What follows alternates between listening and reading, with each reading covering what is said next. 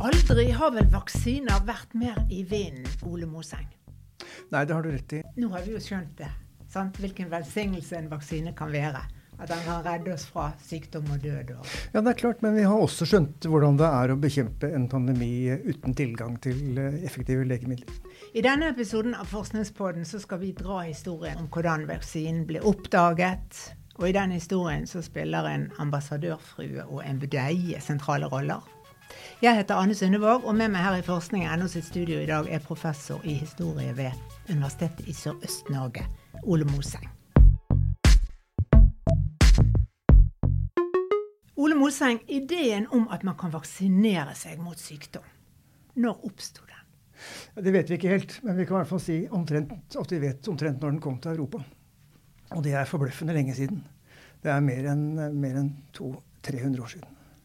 Så vi må helt tilbake til begynnelsen av 1700-tallet for å finne røttene til hva vi snakker om som eh, altså Tanken om at mennesker kan gjøres usårlige mot eh, farlige ep epidemier. Da. Og det er da denne ambassadørfruen kommer inn. Ja? Altså lady Mary Montague, som, har, som var uh, kona til uh, den britiske ambassadøren i Tyrkia. Altså det ottomanske riket, som det het da.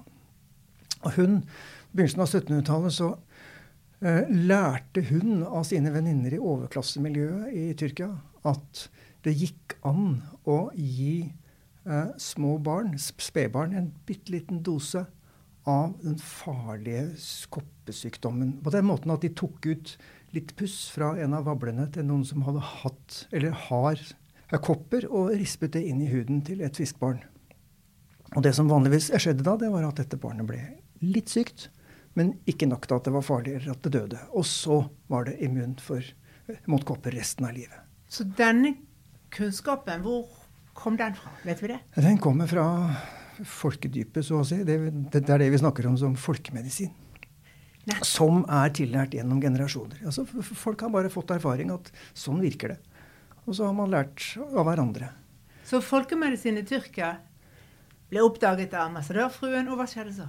Jo, Da tok hun med seg dette hjem til, til, til, England, og siden hun da hadde tilgang til de aller øverste sosiale lagene i England, så klarte hun da i 1722 å overbevise prinsen av Wales om at han skulle uh, utsette de to barna sine for denne behandlingen. Det som de kalte for inokulasjon. Og det virket. De ble litt syke, men ikke nok syke. Og så var de antagelig da immune mot, mot kopper resten av livet. Og det var et viktig gjennombrudd. Og det førte da til at, at både i England og andre land i Europa så satte man i gang eh, sånne inokulasjonskampanjer.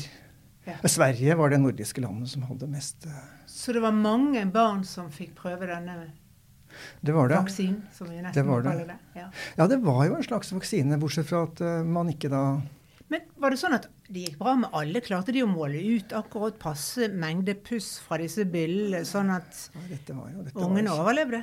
Ja, dette var kjempevanskelig. og de, dette, siden dette var, som, var basert på erfaring, og ikke, ikke sånn vitenskapelig i egentlig forstand, så var det vanskelig å vet iallfall Jeg har sett på de forsøkene som ble gjort i Norge som etter 1755. Da var det en lege som het Georg Wassmuth som uh, introduserte dette her til Trondheim. Uh, og de forsøkene de førte med seg en barnedødelighet på omkring 2 Det vil si at noen hundre barn som ble inokulert, da, så var det 2% av dem som døde. Men den dødeligheten den ble da oppfattet som akseptabel. Man tenkte seg at selv om det var noen som døde, så var det bedre enn at det kom en koppeepidemi, og at mange flere døde. Og det er en form for etisk standpunkt som kan være ganske vanskelig å forsvare. Ja, vi har jo hatt den debatten med AstraZeneca. sant? Ja, vi har, vi har, vi har jo det. Det er samme etiske overveiningene, sant. Så det var starten. Men dette var jo lenge før man ante noe om virus. Det var jo ikke oppdaget ennå. Men likevel så skjønte man da at sykdom kan smitte, selv om man ikke visste akkurat hva som smittet. Og hvordan dette foregikk på celle- eller molekylærnivå. sant?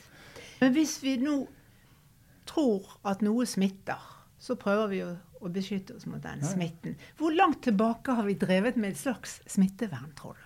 så langt tilbake som vi kjenner legekunst. Og, og, og da må vi helt tilbake til den tidlige antikken, altså til 400 år før vår tidsregning, og til Hippokrates, i den grad Hippokrates levde i det hele tatt. Men Den gamle greker, han levde vel? Ja, det kan godt tenkes at han levde. Men Uh, han skrev iallfall ikke alle de verkene som er tillagt ham. Okay. Men uh, han levde da antagelig rundt 400 før. På øyen Kåss, tror jeg. Ok. Ja, da vet du mer enn meg. ja. Men så, så, langt tilbake så har vi altså kunnskap om at enkelte sykdommer kunne være smittsomme. Og det er altså en forestilling som har vært veldig viktig og veldig nyttig, og som har vært overlevert gjennom eh, andre, andre kjente leger gjennom middelalderen og gjennom hele tidlig moderne tid, altså helt fram til vår egen tid. Så man har drevet smittevern gjennom middelalderen også? Det har man, det har man gjort. Hvordan da? Eh, hva, hva, gjorde italienerne når, eh, da svartedauden kom til Italia? 1348. Jo, de satte i gang med karantene. De satte i gang med sosial distansering. De satte i gang med reiseforbud. De satte i gang med avsperring av områder. så det er sånn at Nakstad kunne lært en del av, av, de der eh, bymyndighetene altså, i Nord-Italia. Og hvis du tenker på en, eh, en, sykepleier på en sånn intensivavdeling De har en, en, en kappe av stoff som ikke slipper gjennom bakterier eller virus. De har Eh, briller eller sånn visir, de har hetter, de har svære hansker. Ja. Men uh, hvordan var uh, pestlegene kledd? Jo, de hadde akkurat det samme utstyret. Mange av oss har sett disse bildene av pestlegene som med en sånn tjukk frakk i lerretsstoff eller et eller annet som er vann- og vindtett. De har, de har lange, tjukke hansker. De har en hette knytte rundt hodet som slutter helt tett. De har store, tjukke briller, og de har dette store nebbet foran eh, ansiktet. Hvorfor har de et nebb foran ansiktet? Der har de en samling av urter. Enten som lukter veldig godt, eller som lukter veldig sterkt. Det kan være einerbær eller uh, ros rosenblader eller noe sånt. Og det skulle beskytte da mot uh, det som de regnet med var den direkte årsaken til sykdom, nemlig ond luft, som de kalte for miasma. Og dette er, jo, dette er, jo, en figur som går igjen i veldig veldig mange sammenhenger. Og de har utstyrt seg på akkurat samme måten som moderne sykepleiere. Og fordi at de var sikre på at disse sykdommene, eller noen sykdommer, kunne være smittsomme. Altså. Og de drev også med sosial distansering? Ja, det gjorde de i høyeste grad. I uh, italienske bystater uh, under uh, svartedaudens herjinger, altså, altså på 1340-tallet, så kommer det forordninger som sier at de, man ikke får lov til å arrangere begravelser med, annet enn med de aller, aller nærmeste til stede og sånne ting som det. Nådde disse ideene opp til Norge når svartedauden kom hit? Nei, det gjorde de ikke. I Nord-Europa så er eh, myndighetenes råd knytta til eh, religiøse forklaringer. Og Det tror jeg mest har sammenheng med at de, de norditalienske bystatene var mye bedre organisert. De hadde en veldig sånn stram eh, hierarkisk ordning, veldig klare kommandolinjer. Dessuten så eh, var disse herskerne i de norditalienske bystatene de hadde kontroll over ganske små områder. Så det var håndterlige enheter. Mens et digert land som England eller eh, Frankrike eller Danmark det var ikke mulig å kontrollere på den samme måten. Men kampen mot pest i Nord-Europa blir veldig, veldig mye mer effektiv når myndighetene blir sentralisert. Når makten blir sentralisert, når man får inn midler fra skatteinndriving og sånn. Ja. ja. Vi må tilbake til vaksinen. sant? Okay. For selv om man da smittet barn med kopper for å beskytte dem midt på 1700-tallet, så hadde da ikke verden oppdaget vaksinen i den forstand Vel, de hadde oppdaget den på en måte, sant? men de kalte det i hvert fall ikke vaksine ennå. Det var nå det ene. Men når skjedde det at vi får den første vaksinen som gjør litt vei i vellingen, som, som får betydning for sykdomsutbredelse? Ja, det kommer omtrent 100 år etter denne lady Mary Montague. og den viktigste forskjellen på hennes metode fra tidlig 1700-tall og det som kommer på slutten av 1700-tallet, begynnelsen av 1800-tallet, det er at den nye metoden som vi da kaller for vaksine, den går ikke ut på å utsette barn for en liten risiko, Det er, eller ganske høy risiko, da. Man kan dø av dette her. Men den går ut på å utsette barn for en sykdom som ikke er farlig, men som ligner så mye på den farlige, og nok til at den medfører immunitet mot både den ufarlige og den farlige sykdommen. Og den ufarlige sykdommen det er det som kalles for kukopper. Som er en sykdom som uh, trives blant ja, husdyr, altså kuer, og som uh, budeier veldig ofte får. Og da får de en, en, sånn, noen vabler på armen og kanskje får litt feber noen dager, og så går det over av seg selv. Og det folk lærte da, i England og andre steder, det var jo at disse budeiene de fikk jo aldri kopper seinere. De var friske? De var friske, og de holdt seg immune. Så der har vi jo liksom bildet av budeien med rød kinne, ja, og, og, symbolet på selve kvinnelig sånn friskhet. Og, og bildet av den billedskjønnende kvinnen. fordi at de, i, og med at de ikke fikk kopper, så fikk de heller ikke disse kopparrene. Ikke sant? De, de, hadde, de hadde vakre ansikter. Fullstendig fri for kopper. Så kukopper og kopper var beslektet. Men hva var forskjellen her? Den var mindre farlig for mennesker. Ja. Og kopper var jo en farlig sykdom. Det vet vi jo. Det, det, må jo ha vært en skrekk den gangen. sant? Og så fikk de jo byller over hele kroppen. De fikk bitte små, byller, sånn ertestore byller over hele kroppen. Ja. ja. Og mange som overlevde, var blind etterpå. Eller fikk mistet synet på ett øye, kanskje. Ja, det kan være. Og, men det aller viktigste ettervirkningen, hvis man først overlevde var disse koppeøynene, som kunne være veldig, veldig stygge. Og Elisabeth den første i England altså, levde på begynnelsen av 1600-tallet. Hun skal ha hatt uh, kopparr så stygge at hun måtte ha veldig tjukke lag med sminke. Så når denne kunnskapen fra Setra når, fra Setra. når ble den liksom overført uh, til, uh, til, til, legemedisin? Ja, Det er jo, jo i, mot slutten av 1700-tallet, 1790-tallet i hvert fall. Den som er mest kjent, det er jo denne landsbylegen i Gloucestershire som het Edward Jenner. Og han, eh, han, tok dette på alvor og eh, gjennomførte eksperimenter hvor han da ga uh, barn og voksne en liten dose med kukopper. Og så ventet han noen uker, og så ga han dem en liten dose med ordentlige kopper etterpå. Det var risiko med det også, for han kunne ikke vite helt hvordan dette kom til å gå. Men det slo heldig ut i alle tilfeller. altså. Så det var en vitenskapelig studie? Det var en vitenskapelig studie. Og det er det som skiller Lady Mary Montague og Edward Jenner først og fremst at hennes prosjekt var bare erfaringsbasert. Men hans var erfaringsbasert, basert også på folkemedisinsk kunnskap, som var oppsamla gjennom mange generasjoner på landet. Men han tok det liksom den vitenskapelige siden av det på alvor, og så gjorde en vitenskapelig studie. Så publiserte han en bok i 1798. Og så uh, har, har vi ikke sett oss tilbake siden det. Da sto jo verdensledere opp, oppå hverandre for å få tak i de der koppevaksinene. Særlig den, Napoleon var jo veldig ivrig. ikke sant? Så det var ikke noen vaksineskepsis eh, rundt det årtusenskiftet? 1700 det, det, var litt vaksineskepsis eh, hos eh, noen sånne religiøse eh, utgrupper. var det litt skepsis. Og så var det litt skepsis mot det å innføre sanksjoner å gjøre koppevaksine til et uh, obligatorisk og lovpålagt prosjekt. For det ble det? Ja, det ble det. Og i eh, Danmark-Norge så kommer denne koppevaksineloven kommer i 1710. Og, det man da gjør, det er simpelthen at man sier at ingen får lov til å gifte seg eh, hvis man ikke kan vise fram en koppvaksinasjonsattest. Og så blir det utvidet etterpå ved at eh, barn heller ikke får lov til å konfirmere seg hvis de ikke viser fram vaksinasjonsattesten. Det eneste unntaket det var hvis de kunne vise fram det kopparra ansiktet sitt. Og presten, eh, Prestene de innfører da en ny kolonne i kirkeboka. Ved siden av konfirmasjon så har de også en vaksinasjonskolonne. Hvor det ofte står at eh, hun har hatt de naturlige kopper i barndommen. Og slipper attest. Ja, Hun har et koppearr eller flere. Hun har, kan vise fram det stygge ansiktet sitt. Altså. Men hva, hva, gjorde man da? Oppnådde man en slags flokkimmunitet, eller hva skjedde? Ja, nei, ja, det går ganske sakte, da. I Sverige var man mye flinkere, for der utnytter eh, myndighetene det kirkelige byråkratiet. Som er, og det er kjempeeffektivt, for da tenker de sånn at, at uh, stort sett er den eneste statlige embetsmann uh, på landsbygda er jo en presten.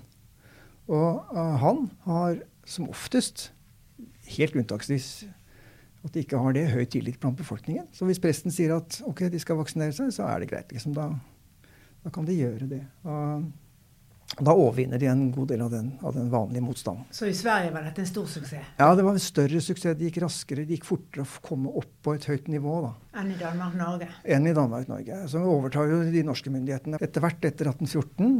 Men de, de, får det sånn ganske bra til, de også, da. De opplever noe skepsis. Men ikke, ikke sånn organisert motstand. De, de som yter motstand, det er liberalistene, altså. Som, altså de som ønsker uh, at uh, mennesker skal ha sin fullstendige frihet. Og de tenker at påbud om vaksine det er et inngrep eller overgrep mot den personlige frihet. Så den gangen var det også en, de vet at det tvang mot frivillighet og landet på tvang den gangen, da? Ja, det gjorde de. Mm. Og til og med da i en, eh, en tidsperiode hvor liberalismen er på vei opp, liksom. Men Ole Moseng, du er historiker. og Hvordan ville du som historiker beskrive betydningen av denne aller første vaksinen? Den var helt enorm. Koppevaksine i den moderne formen, altså med det vi snakker om som kryssimmunitetsprinsippet, altså at én ufarlig sykdom kan beskytte mot en, en farlig en, uh, den, er, den, er, helt unikt. Det er første gang hvor, hvor, hvor, legevitenskapen eller legekunsten kan gå inn og gjøre mennesker usårbare mot en veldig farlig sykdom. Så det er et gjennombrudd. Og man, det er god grunn til å si at uh, koppevaksine er verdens første effektive legemiddel noensinne. Og den har vært så effektiv at uh, WHO de kunne da erklære at kopper var utryddet fra jordens overflate i 1980. Det gjorde de da på grunnlag av at de hadde hatt mange veldig kostbare og veldig omfattende koppevaksinasjonsprosjekter over hele verden. Ja, For i begynnelsen så begynte, var vaksinen rett og slett eh, puss fra kyrne? Ja, det, det, begynte jo der. Men uh, dette pusset, dette er, uh, ekstrakten, eller det, det, man tok fra disse kukoppearrene, gikk fra arm til arm. det. Og ja, så man begynte en gang med en ku, og så senere gikk det fra menneske til menneske. Ja, og Etter hvert så ble dette her mindre og mindre effektivt. For simpelthen kraften i, disse, i disse, dette materialet ble mindre og mindre. Det, det, var også en av grunnene til at, til at, man ikke klarte å oppnå så veldig høy sånn, eh, flokkimmunitet i i starten der. I starten. Måtte de ty til en ny ku? Da, ja, og da, og da, var det jo oppstandelse. Da. De oppdaget en, en, en, ku som var syk av kukopper i Skottland. Og så reiste alle dit, og så fikk de med seg sånne tørka pust da, som de ble sendt i brev og sånn. og så ble tatt vare på. Men etter hvert, på, rundt uh, overgangen til 1900-tallet, så, så, ble det etablert en, en, et fjøs på Veterinærinstituttet i Oslo, eller i, i Kristiania, da. Og da, hadde, da hadde, de tilgang til, til kukopper gjennom at kuer ble, gikk og var, og var, kontinuerlig syke av kopper.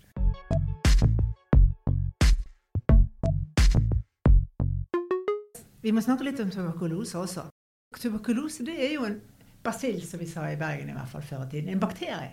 Ja. Mens kopper var jo en virus. Ja. Hvordan er det? Er det sånn at du kan bruke vaksiner mot begge deler da, altså? Ja, altså Hovedregelen er sånn at uh, vaksine virker godt mot virus, men ikke noe særlig godt mot eh, bakterieinfeksjoner. Og så er det sånn at Antibiotika virker veldig bra mot uh, bakterielle infeksjoner, men helt håpløst mot virus. Ja. Vi, vi, har egentlig ikke noen legemidler mot virussykdommer, men vi har, til gjengjeld har vi vaksiner. Men vi har jo en vaksine mot tuberkulose. Ja, Det er en av unntakene. Det er et unntak da? Og unntak den andre retningen er altså hiv-viruset, hiv som ikke som ikke reagerer noe særlig godt på, på vaksine, uten, uten, at jeg vet hvorfor det er mm. sånn. Men uh, når det gjelder eh, tuberkulosebakterien, altså, som er den første av de bakteriene som ble beskrevet ordentlig i 1882 av Robert Koch, så uh, har vi da en vaksine som ble ut, utvikla i mellomkrigstida, men først tatt i bruk etter annen verdenskrig. Det som vi kaller for BCG. Hvor effektiv var den? Den er, den, er, den er, effektiv. Altså, den er ikke 100% effektiv, sånn som koppevaksine er. Og den må også fornyes eh, raskere enn en, en, en andre vaksiner. Men de fleste vaksiner mot bakterielle sykdommer de varer veldig kort og er nokså lite effektive. Så, når krigen var over og man hadde fått BCG-vaksinen, og man trodde man hadde koll på disse farlige disse sykdommene som hadde vært som en svøpe, så skjedde det noe. Ja. Vi hadde kvitta oss med pest, vi hadde kvitta oss med kolera, tuberkulose, kopper. Var det noen sykdommer igjen? Nei, antagelig var det ikke det. Verden så jo ganske epidemifri ut. Og så begynner denne polio dette polioviruset å røre seg igjen. Da. Det hadde vært noe utslag av polio på 1800-tallet også, men så kommer det mer og mer etter, etter, etter annen verdenskrig. Og barn blir uh, veldig syke, får lammelser. Noen må leve uh, veldig lenge inne i sånne tidlige pustemaskiner som kalles for jernlunger. Altså en grusom skjebne. De kommer ikke ut derfra. Og noen dør, og noen får altså, livsvarige, livsvarige lammelser. Og det er det som vi kaller poliomyelitt. Altså en, en, virus som, som angriper uh, ryggmargen. Jeg er så gammel at jeg husker skrekken for polio. Ja, ja, ja. At de voksne snakket om det. Og En av grunnene til at polio ble oppfatta som en trussel, var at man liksom regnet med at nå var disse epidemiene over. Hadde, kom, det kom ikke noen epidemier mer, så kom polioen. Og så ble man veldig engstelig for det. Og så er det jo dramatisk når det rammer barn, sant? Ja, i ja, høyeste grad. Da klarte jo da legemiddelindustrien å utvikle vaksine nokså fort. Og den kommer sånn rundt midten av 1950-tallet allerede. Tok ti år da, nesten? Ja, ja. Og da husker jeg i hvert fall et bilde hvor, uh, som viser da pressefotografer som, som, kjemper om plassen for å kunne, ta, for, for, for å kunne fotografere et lite fly som kommer til Fornebu flyplass eh, utafor Oslo 1955, eh, eh, som er stappfullt av sånne pappesker med poliovaksine. Det er nyheten. Akkurat det samme som vi nå fotograferer AstraZeneca og Pfizer og hva det nå er for noe. Og så fikk vi jo meslingvaksinen og vaksiner mot barnesykdommer etter hvert. sant? Ja, nå, nå, regner vi vel med at dette vaksineprosjektet er en del av hverdagen. Det er veldig få som reagerer på det. Men det store denne gangen er jo hvor raskt de har klart å utvikle en vaksine når det først kom en pandemi, pandemi som ingen hadde ventet seg. Men når det gjelder meslingevaksinen, så har vi jo sett en god del sånn vaksineskepsis i Europa og i Norge. Du nevnte det vel så vidt, men den historien du har dratt nå, den forteller ikke så veldig mye om vaksineskepsis. Mer om jubel, kanskje? Ja. Vaksineskepsisen var, var minimal. Altså i ja, Skepsis var det, men ikke, ikke den direkte motstanden. Poliovaksine ble tatt imot veldig veldig positivt. Veldig, veldig lite motstand mot det. Jeg tenker at Hvis det noen gang vaksiner har vært populært i min tid, så er det jo nå. Vi har liksom fått demonstrert hvor viktig det er å kunne beskytte oss mot sykdom. Det har vi. Det har vi, og vi har fått demonstrert i hvilken grad det er mulig å beskytte oss mot sykdom uten tilgang til legemidler. Ja, vi har fått demonstrert begge deler. Det har vi. Vi gir oss der, vi. Takk for at du kom til eh, Forskningspodden. Ole Moseng, professor i historie ved Universitetet i Sørøst-Norge. Forskningspodden er laget i samarbeid med forskning.no. Jeg heter Anne Synnevåg og ønsker alle lyttere fortsatt god sommer.